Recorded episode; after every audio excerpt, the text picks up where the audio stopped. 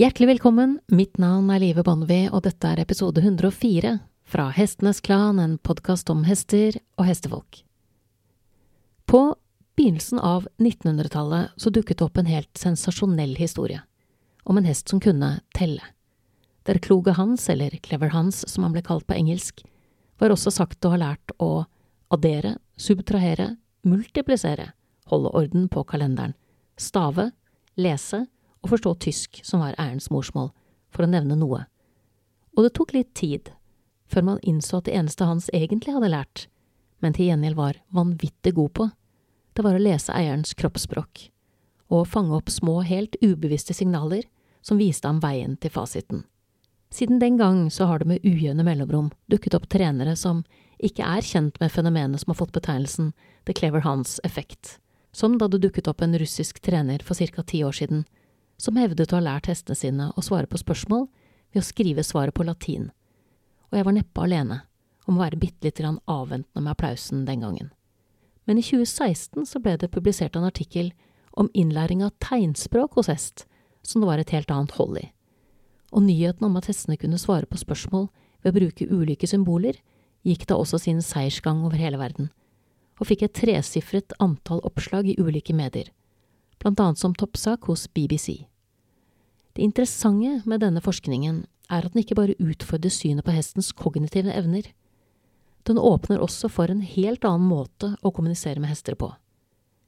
I dagens episode forteller veterinær, seniorforsker og fagansvarlig for dyrevelferd på Veterinærinstituttet, Cecilie Meidel, om forsøket der de tok studien knyttet til hesters bruk av leskur, som var tema i episode 102, et steg lenger, og spurte hestene hva de selv mente om bruken av dekken.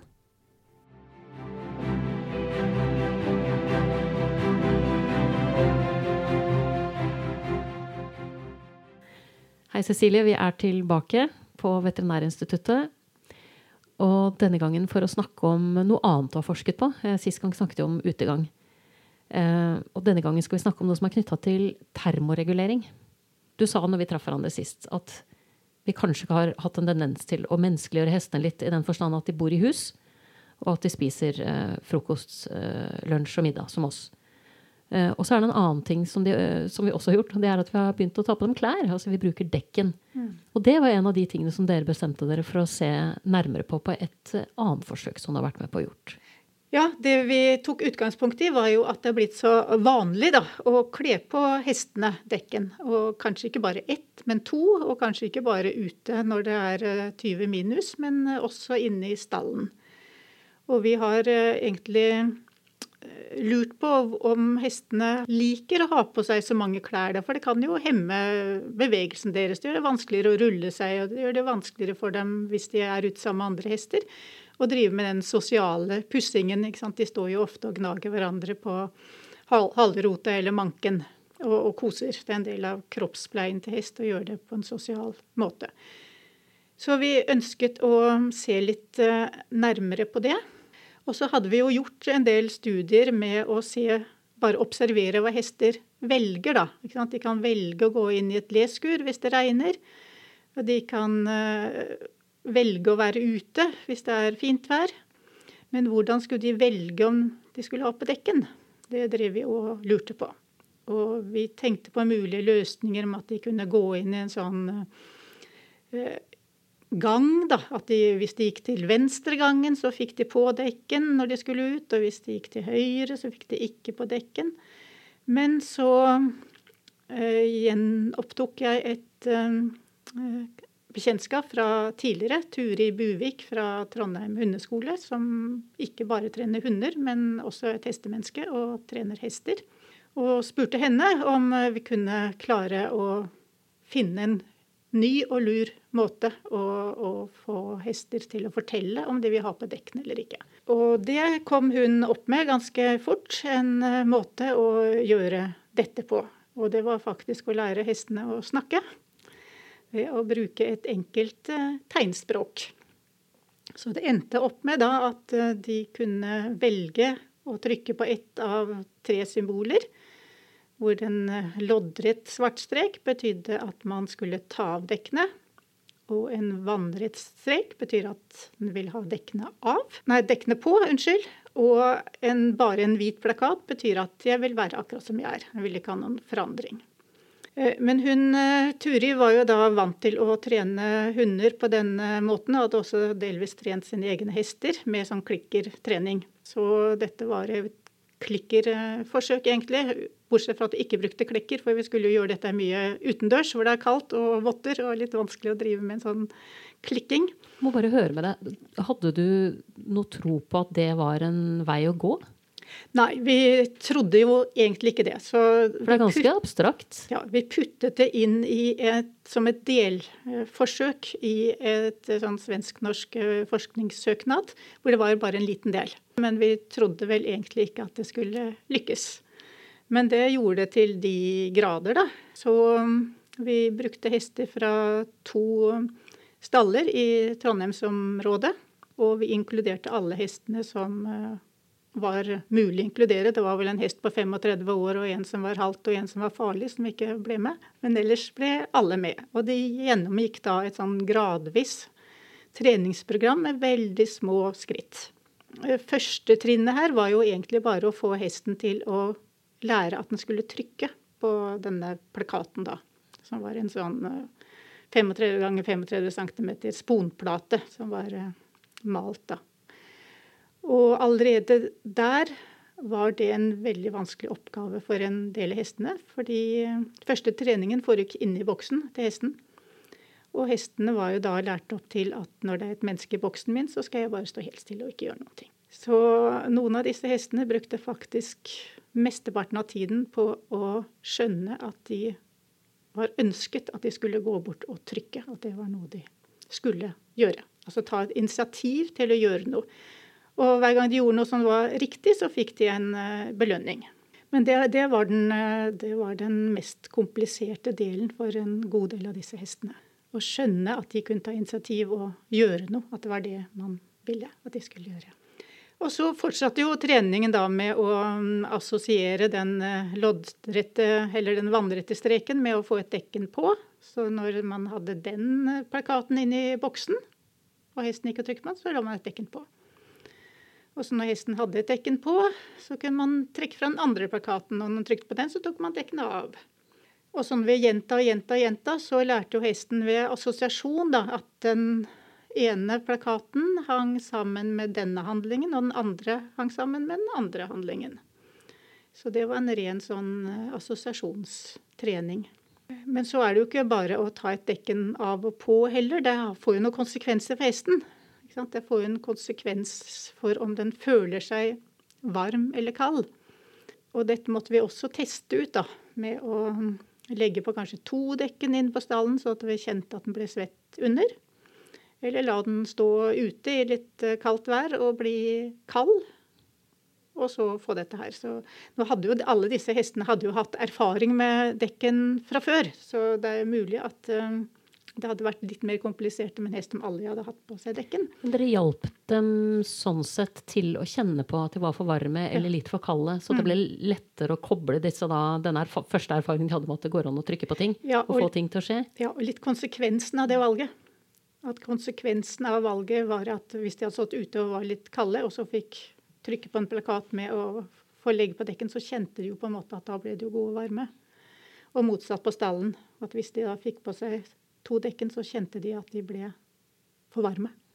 Så det, det var jo å, å, bygge opp hestenes forståelse av dette her som det gikk ut på. Og hele denne perioden her var jo Da var jo alt riktig, på en måte, som eh, hesten gjorde. Så den fikk jo alltid belønning for å trykke. Og så begynte man å introdusere flere sånne signaler. Eh, og da fikk den jo bare belønning hvis den trykket på det som var relevant. Da. Altså hvis den sto med et dekken på og trykket på dekken på, så skjedde ikke noe. Så da var det bare å trykke på dekken av som på en måte var et riktig svar. Så en god stund så var det riktige og gale svar, da. Men så kom vi til et uh, punkt uh, som er uh, virkelig sånn clouet her, som krever litt kunnskap om hester og ikke minst eh, læringsteori. Så det var å komme til uh, the point of no, no return, som Turi kalte det. Uh, hvor hesten får et fritt valg. Da får den Da kan den velge mellom to symboler som begge er relevante. Altså ingen endring, og det å ta det av eller på ettersom hva hesten har. Og fra det punktet så vil den få en godbit bare for å gjøre et valg. For eh, vi diskuterte jo lenge om den skulle ha det eller ikke. Men vi kunne jo ikke ha en situasjon heller hvor hesten ikke gadd å gjøre noe og sto en time mens vi ventet på å komme videre. Så vi fant jo ut at den burde få en belønning for å ta et valg. Så det valget du da holder opp, det er da ingenting skal skje? Eller det motsatte av det du har? Altså hvis du, det, hvis du har det på, så skal det av. Og hvis du mm. har det av, så skal det på. Så ett av to. Ja. ja. Så vi kunne sikkert hatt alle tre også, men eh, vi, vi endte opp med dette her for ikke å gjøre det ekstra vanskelig, da.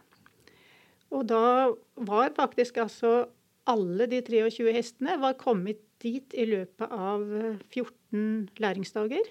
Og den treningen besto av to ganger fem eller tre ganger fem minutter på én dag. Så det var jo ikke noen lange økter. Og der er det også viktig å forstå når man skal gi seg. ikke sant? Gi seg på riktig tidspunkt, og, og passe på å ta små nok skritt. da. Men alle hestene klarte det. Noen litt senere enn andre, men alle klarte det. Og her var det jo alle mulige forskjellige slags hester med. Både varmblås ridehester og araberblandinger og, og dølahester og islandshest og litt av hvert. Da blir det jo veldig spennende å høre hva var det de ville ha? Det er sikkert også individuelt, ikke sant? men var det noe der som overrasket dere? Når de da fant dette språket for å snakke om ja. sine egne klær? Først må jeg jo si at de ble jo veldig ivrige. Hestene ble veldig fornøyd over å skjønne at de kunne kommunisere. Fordi at når vi trener hester, så lærer vi jo hester å respondere på våre signaler. Men her ble det motsatt. Det var jo hesten som fortalte hva den ønsket skulle bli gjort. Og mange ble jo veldig ivrig. Det ble som en sånn eh, labrador og, og syntes det var kjempemoro. Så, så, det var jo litt interessant også at hestene endret atferd på den måten. Og det var jo et par eksempler også hvor uh, Turi passerte gjennom stallområdet på den stallen hun selv hadde ansvar for, og hvor en hest kom eh, løpende og virkelig prøvde å få oppmerksomhet. Og så tok hun fram uh, symboler, og så trykket den dekken av, og så visste at den var helt svett f.eks. Så utenom treningssituasjonen så ba hesten om å få si fra hva den ville. Så det var jo litt morsomt. Nei da, Tilbake til resultatene, så fant vi at hestene var helt enstemmige når det gjaldt de verste væresituasjonene og de beste. Dvs. Si at når det var pent vårvær og var en 18-19-20 grader og, og sol og, fint, så var det ingen som ville ha på seg dekken. Og når det var eh, fem-seks varmegrader og pøsende regn og vind, ville alle ha det på. Og så imellom så var det individforskjeller. Det er regn som betyr mest. Og så vind eh, betyr en god del. Så ved temperaturer fra rundt 9-10 grader og oppholdsvær uten vind, så vil de fleste være uten. Eh, og også kulde med sol, så var det en god del som ikke ville ha det på. Men stort sett så ville de ha det på når det var under ti kuldegrader. Så, så, igjen fant vi det støtte for det samme. Altså den mest krevende er eh, nedbør og vind og noen få varmegrader. Rundt null. Null føre. Og opp mot seks, sju, åtte varmegrader kombinert med nedbøren.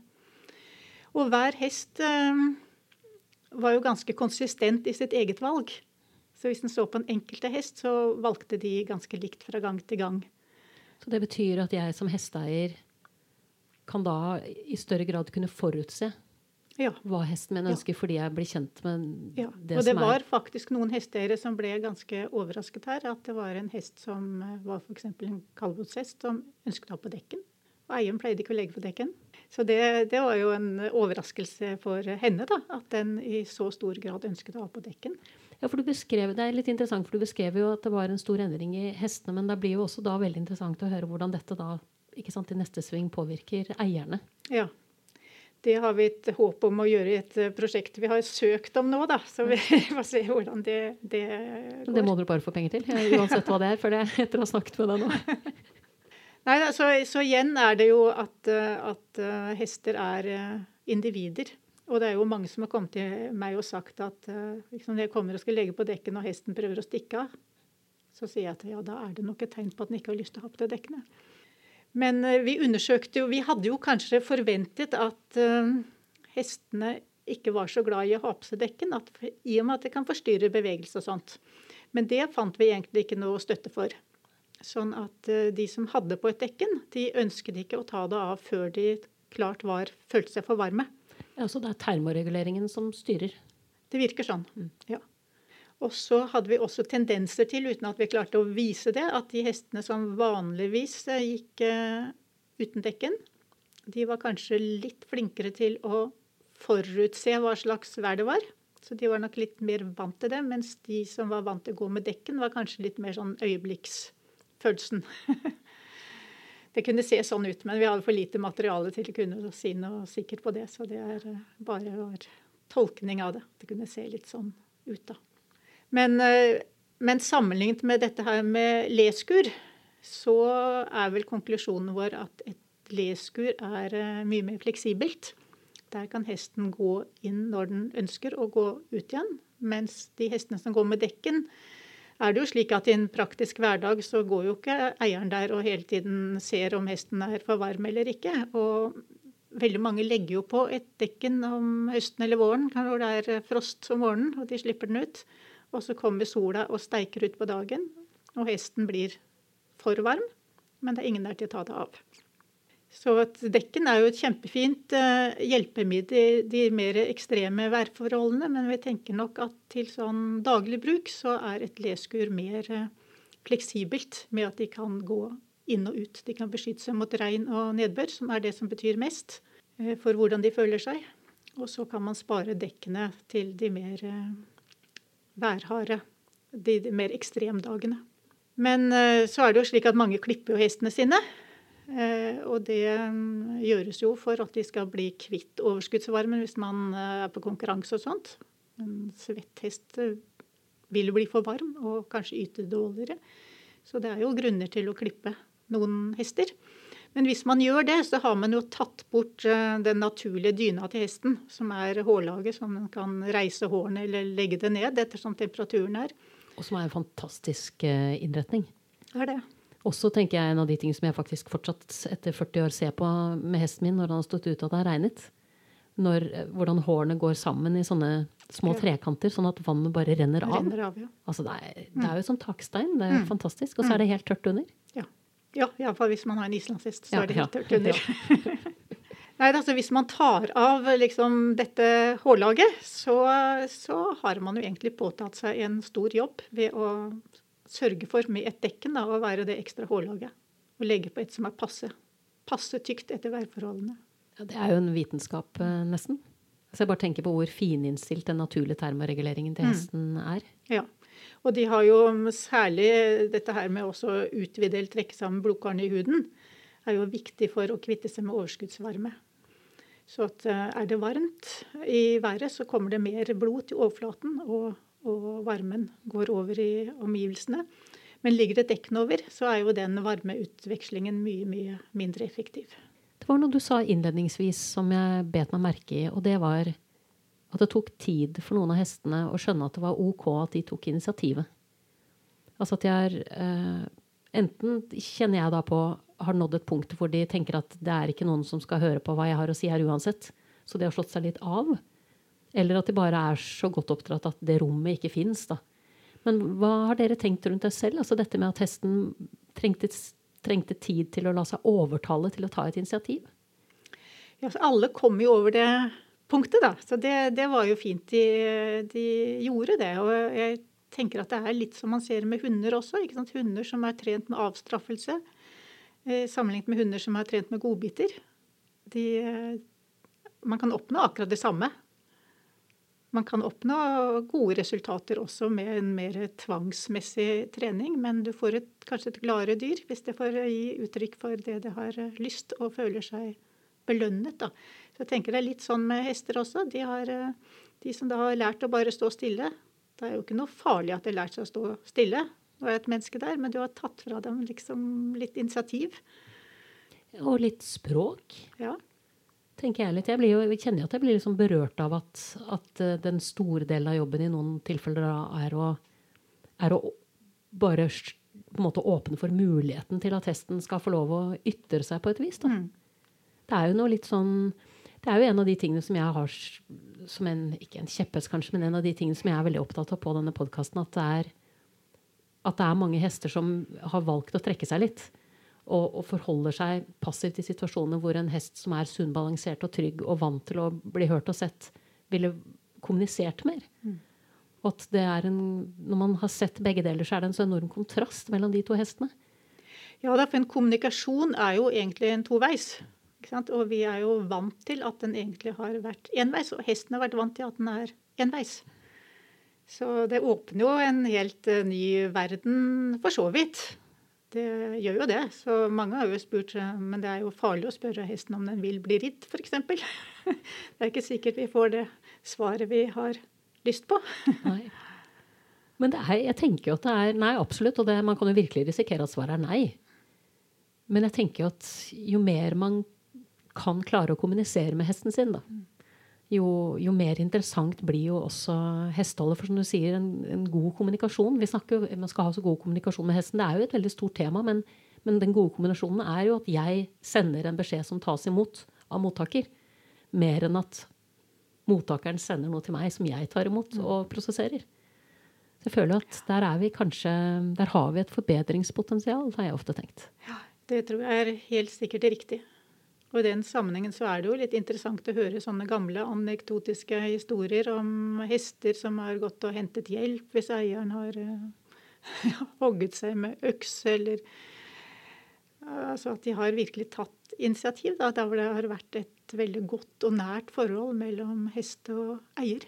Så har, uh, er det jo mange historier på at hesten faktisk har tenkt og gjort noe. Og det er jo egentlig litt slående da, at uh, såpass mange ble overrasket over at hesten hadde noen mening. Det er jo egentlig ikke noe rart at hesten har noen har meninger. Men da er ikke vi sånn sett vant til å høre dem, da? Vi er iallfall ikke vant til, eller har iallfall ikke tenkt vi skal ta hensyn til det. Ofte når en hest gjør noe vi ikke har likt, så har vi jo tenkt at den er ulydig. Igjen så åpner jo dette her på en større forståelse, tror vi, da, av, av hesten. Og åpner kanskje øynene våre litt mer for å lytte til hesten. Det er et veldig interessant uh, forsøk dere gjorde der. Som setter også ja, altså setter både perspektiv på eh, hva kommunikasjon med hest kan være, som man kanskje ikke har utforska så mye. Eh, men også dette med at hesten har de er jo så samarbeidsvillige, men at den også har en, en, vilje og ønsker om ting den kunne tenkt seg i sitt liv. da. Ja, og kanskje man av og til skal ta hensyn til det. Det er klart, Når man bruker hester til sport, så kan jo ikke alltid hesten bestemme hva den skal gjøre. Men uh, av og til så skal man kanskje lytte litt på hesten, så får kanskje begge parter et bedre liv. Veldig god avslutningsnote på dette intervjuet, Cecilie. Takk for at du nok en gang har satt av tid til eh, denne podkasten for å snakke om veldig viktige ting. Veldig hyggelig å få være med. Og veldig lykke til med, med fremtidig forskning. Eh, jeg kommer gjerne tilbake, for å si det sånn, når dere finner ut eh, noe mer som er knytta til hest. Ja, tusen takk for det. Du har nettopp hørt episode 104 fra Hestenes Klan, en podkast om hester og hestefolk. Kommunikasjonen med hesten er for mange i høyeste grad toveis, og jeg er neppe alene om å lese hesten min som en åpen bok. Men det er ting jeg gjerne skulle spurt ham om, der svaret er mer ullent. Og det er ikke alle som driver med hest som leser hesten sin så godt heller. Så når forskerne bak studien om bruken av dekken på hest nå er på jakt etter midler for å fortsette å utforske hestens kognisjon og bruk av tegnspråk, så er det ikke fritt for at jeg håper at det sitter en rik onkel eller tante der ute som leter etter et fornuftig sted å plassere pengene sine, et sted der pengene får gjort litt nytte for seg. Her har dere en gyllen mulighet. Da gjenstår det bare for meg å takke min faste komponist Fredrik Blom, min gjest Cecilie Meidel, og sist, men ikke minst vil jeg takke deg, kjære lytter, for tålmodigheten. Måtte hesten for alltid være med deg.